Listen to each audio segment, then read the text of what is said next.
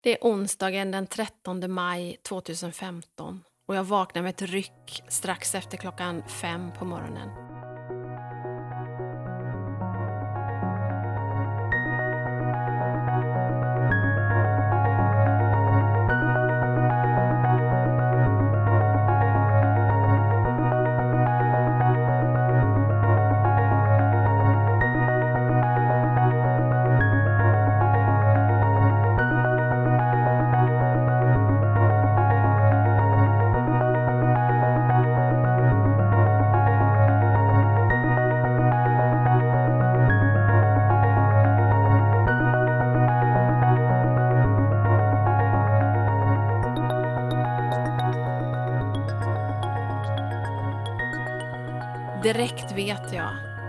Som en instinkt, att det har hänt pappa något under natten. Och bara en kvart senare så får jag ett sms från hans fru, Annika.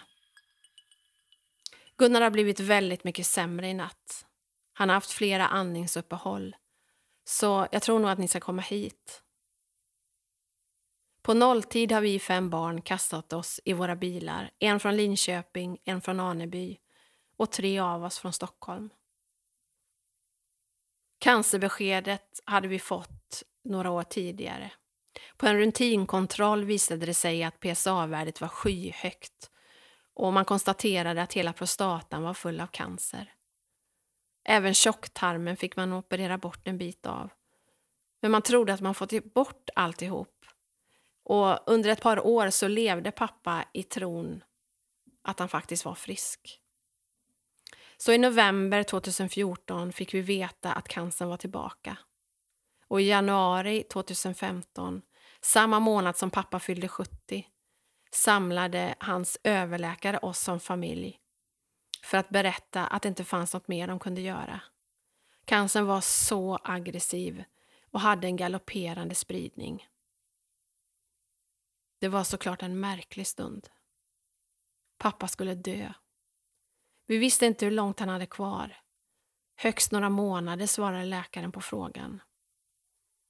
Jag minns att jag brast i gråt när läkaren gav honom domen. Det var så det kändes där och då. Själv var han alldeles lugn. Jag är inte rädd för att dö. Jag vill inte leva om det ska vara så här. Jag vill hem till himlen. Denna tidiga onsdag morgon i maj är det många känslor i bilen på väg ner till Småland. Jag minns inte vad vi pratade om. Mina två syskon och jag, det var min lilla syster och min lillebror. Jag är så otroligt tacksam över att pappa var vid medvetande när vi kom ner. Han blev så glad över att se oss och vi fick alla fem en stund i ensamhet med pappa. Och tårarna stiger när jag tänker tillbaka på den stunden, för den var så fin. Pappa var trött och väldigt påverkad av all morfin han hade fått, men vi kunde prata en stund. Vi kunde se varandra i ögonen, kramas farväl och säga hur mycket vi älskade varandra. Även mamma kom till oss andra och var med pappas sista dygn. Det var hans fru som tyckte att vi skulle bjuda in henne också och det är jag så tacksam för. De hade ändå över 30 år tillsammans som hade gett dem oss fem barn. Samma kväll som vi kom dit senare så gick pappa in i någon slags koma och somnade väldigt, väldigt djupt. Han snarkade högt som han alltid hade gjort. Men det här lät på något sätt annorlunda. Och det vi inte visste då var att han inte skulle vakna mer. Hela onsdagnatten, torsdagen och en bit in på fredagen den 15 maj turades vi om att sitta vid hans sida. Eller många gånger trängdes vi alla fem barn, mamma, pappas fru och en av hans systrar. Det var som att man inte ville förlora en enda minut där och då. Vid lunchtid stod vi alla runt hans sjuksäng och fick uppleva det allra sista andetaget. Och den känslan som infann sig i rummet i samma stund, den går inte att beskriva. Det var en frid som nästan gick att ta på. Och pappas ansikte var ett enda stort leende. Han såg befriad ut på något sätt. Smärtan var slut. Han var hemma. Samma månad som pappa dog så hade vi planerat att ha hans 70-årsfest. Han hade hyrt en väldigt vacker festlokal där vi skulle fira. Och Det var så märkligt att det tal som jag förberett för hans fest istället blev det tal jag höll på minnesstunden efter hans begravning. När jag ser tillbaka på den här tiden så är det såklart mycket sorg, det är det fortfarande, mycket saknad. Men mest tacksamhet. Att få sitta där vid hans dödsbädd och bara känna ren sorg när han till slut somnade in. Ingen besvikelse, inget otalt. Bara ren sorg och saknad. Vi hade tagit vara på den där tiden vi fick när vi visste att dagarna var räknade. Vi hade förlåtit och fått förlåtelse. Tacksamhet var ordet som stannade kvar. Och det är det som jag skulle vilja prata lite om den här stunden. Just nu sitter jag i mitt kaffehus och det skymmer. Det märks att det är augusti. Kvällarna är inte lika ljusa och långa längre. Så jag sitter här lite grann i, i skumrasket. Jag har tänkt på ordet tacksamhet väldigt mycket den sista tiden och att leva sitt liv i tacksamhet det gör något med oss, faktiskt rent fysiskt. Robert Emmons är en amerikansk professor i psykologi som har forskat just på tacksamhet och hur den påverkar oss. Han har bland annat sett i sina studier att tacksamhet påverkar vår sömn på ett väldigt positivt sätt. Vi får en bättre sömnkvalitet och sover djupare om vi slutar dagen med att gå igenom saker som vi är tacksamma för. Om vi lever livet utifrån tacksamhet. Och jag tänker att tacksamhet egentligen har ganska lite att göra med våra, omständighet, våra omständigheter. Någon vis sa, du kan inte bestämma vad som kommer att drabba dig i livet. Dock är det bara du som kan avgöra hur det hela kommer att påverka dig. Att välja tacksamhet i livets alla säsonger. Det handlar ju inte om att vara tacksam för det som drabbar en eller det man går igenom. Men att känna, kunna känna tacksamhet mitt i det som drabbar oss. Och som sagt, det här är ett ämne som är väldigt intressant tycker jag och som jag tänker att jag skulle vilja prata mer om i poddar framöver. Kanske bjuda in några till mitt kaffebord och prata om just det här, för jag tycker att det är så intressant. Kanske har det med åldern att göra, jag vet inte. Idag vill jag bara skrapa lite på ytan i alla fall, men ja, jag kommer att återkomma. Egentligen handlar det mest om att jag vill prova mina nya bärbara små mickar. Eh, för jag ska ju ge mig ut imorgon på en poddturné genom södra Sverige. Så förbered dig på en spännande poddhöst kring mitt kaffebord. Jag kommer att prata med vitt skilda människor om vitt skilda saker. Så det ser jag fram emot jättemycket. Men tillbaka till tacksamheten. Eftersom det är ett ord, eller snarare ett tillstånd som jag som sagt har funderat väldigt mycket på den sista tiden så tänkte jag på några enkla saker som jag kunde känna tacksamhet för i morse innan jag ens hade lämnat vårt sovrum. Det finns ju många självklara saker som vi kanske tänker på. Stora saker som att det är fred och ja, vad, vad man nu kan tänka. Men jag ville fokusera på, på det lilla och det första jag tänkte på rent spontant det var att det var så svalt och skönt i vårt sovrum. Vi har sovit med öppet fönster hela sommaren men det har inte hjälpt för det har ju varit så varmt. Men i morse var det svalt och skönt.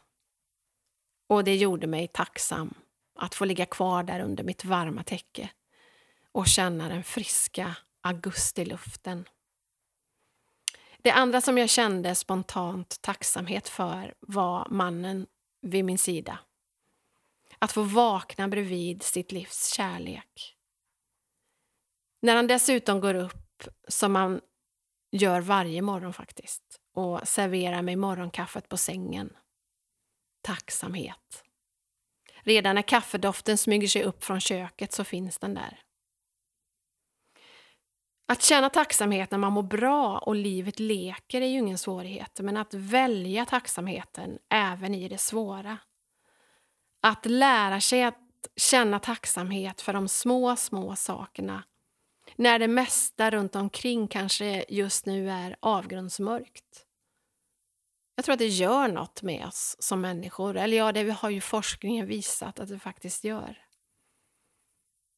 Jag tänker på vännen som precis hade gått igenom en svår canceroperation. På bilden jag har på näthinnan sitter hon i rullstol och äter en Piggelin i den tidiga vårsolen. Och I texten under bilden så uttrycker hon just tacksamhet av att få sitta där utanför sjukhuset med solen i ansiktet och äta en isglass. Jag tänker på en annan vän som miste sin man i en väldigt, väldigt tragisk olycka. En vecka senare skriver hon så här på sin Instagram. En vecka har gått sen jag höll din hand för allra sista gången.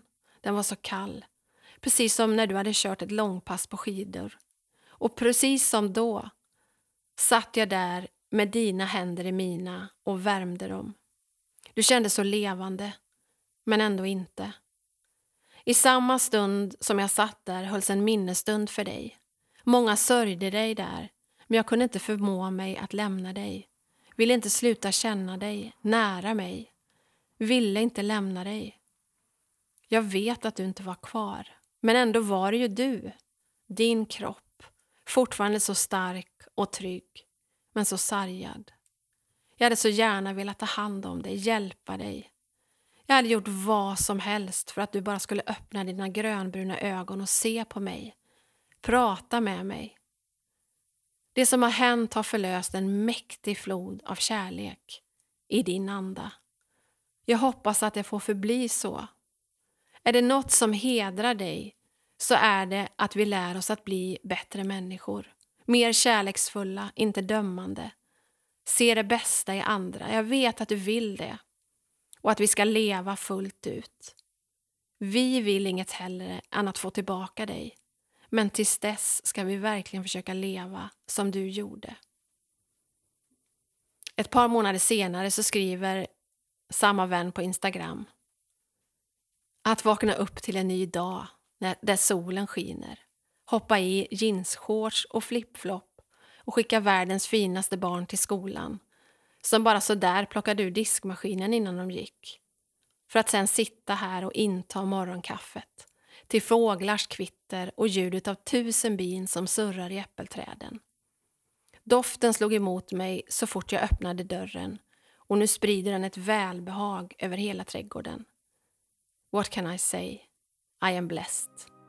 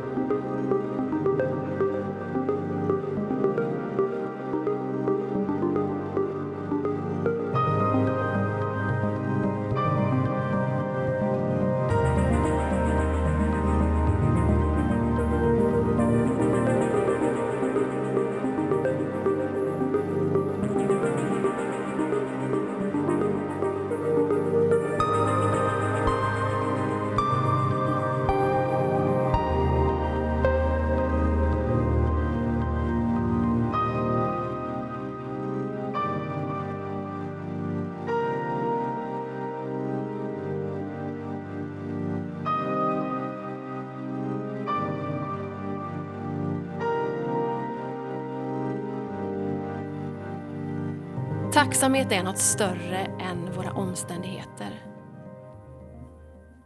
Och så här står det om tacksamhet. Eller några synonymer på tacksamhet. Eh, belåtenhet och välvilja. Belåtenhet, fridsamhet, gemytlighet, gladlynthet, glättighet, gott mod, hemtrevnad, hjärtefröjd, jämnmod, lätt lynne, optimism, ostördhet, sinnesfrid, sinneslugn, sinnesro, stillsamhet, tacksamhet, tillfredsställelse, tomtebolycka, välbehag.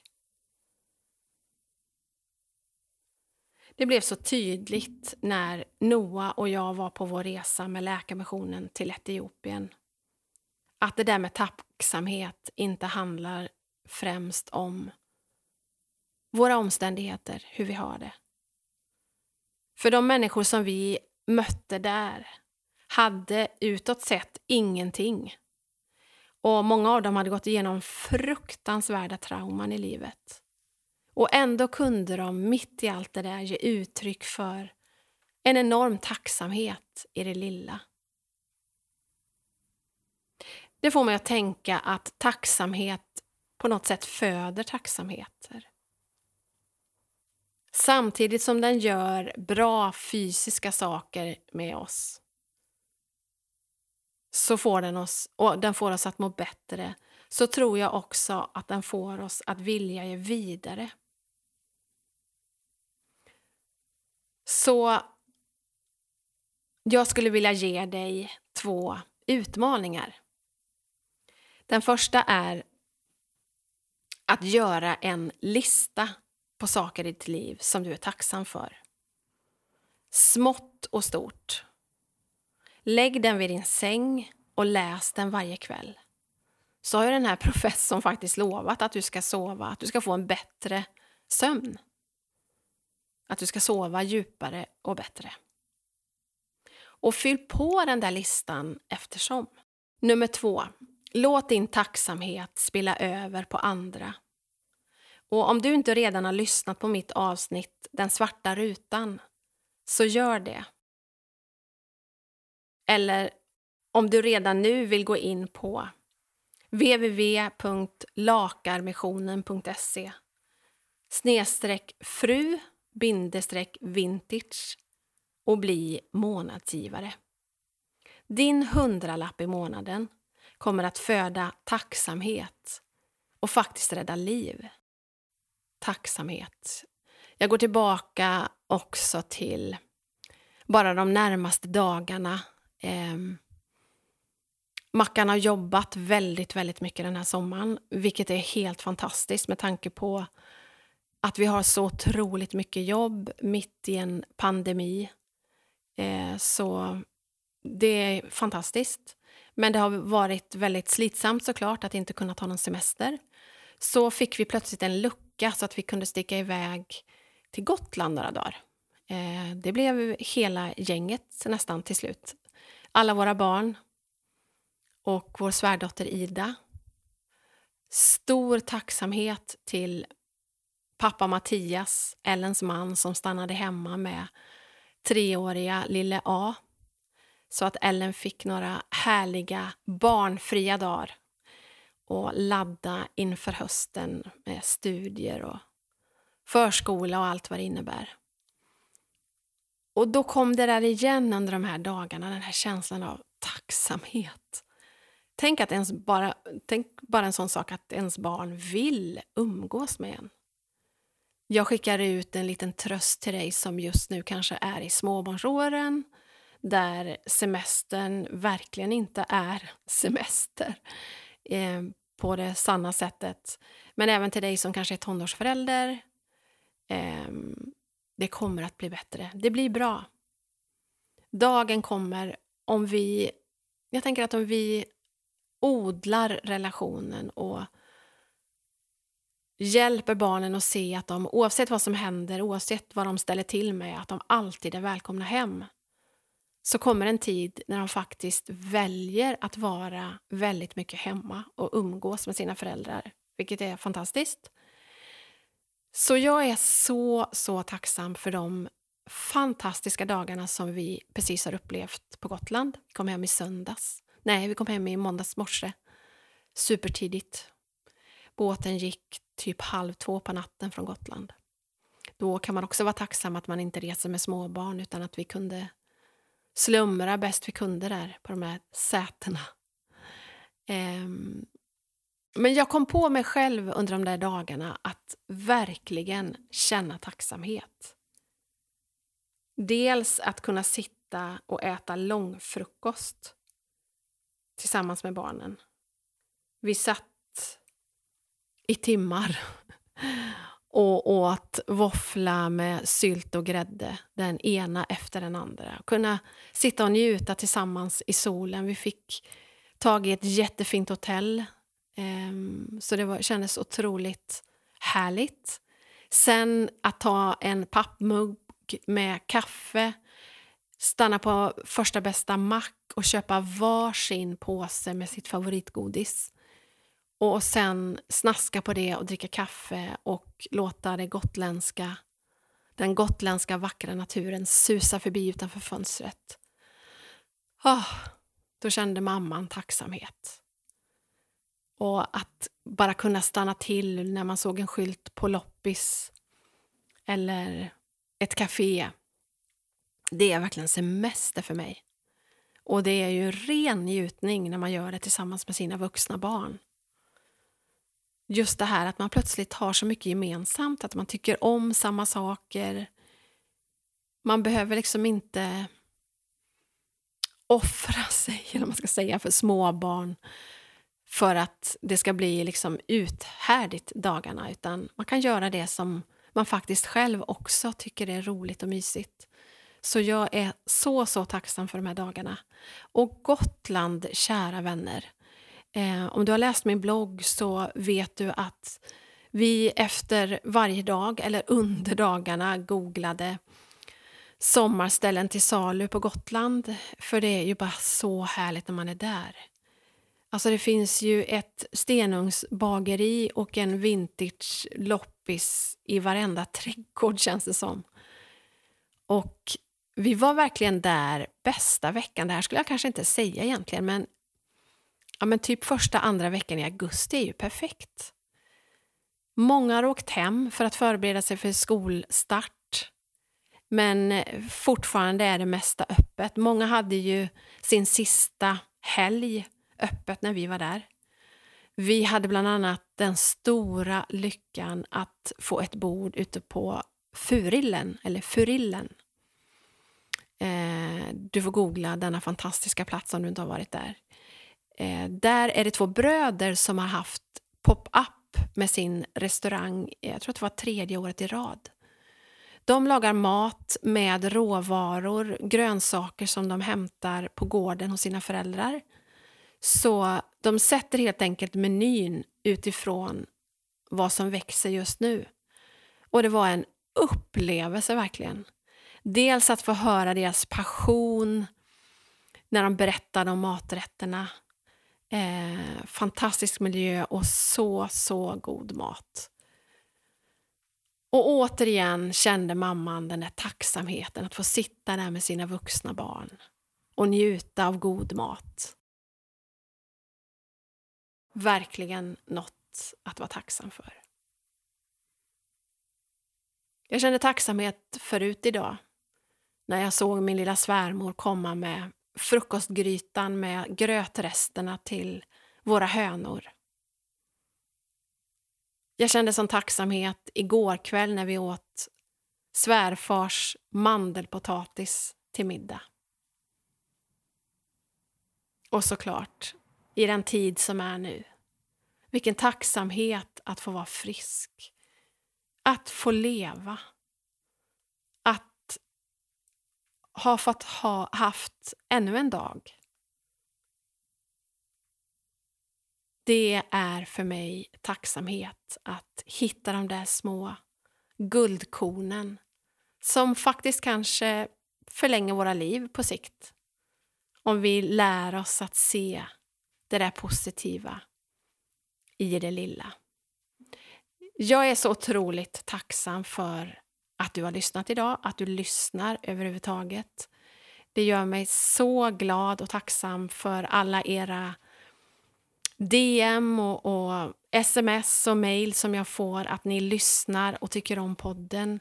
Det är tacksamhet om något. Um, nästa avsnitt kommer att bli med någon av de gästerna som jag nu ska åka runt och turnera hos med början imorgon. Så håll utkik så kommer det snart en ny podd. Tack för att du lyssnar och låt oss bli proffs på tacksamhet.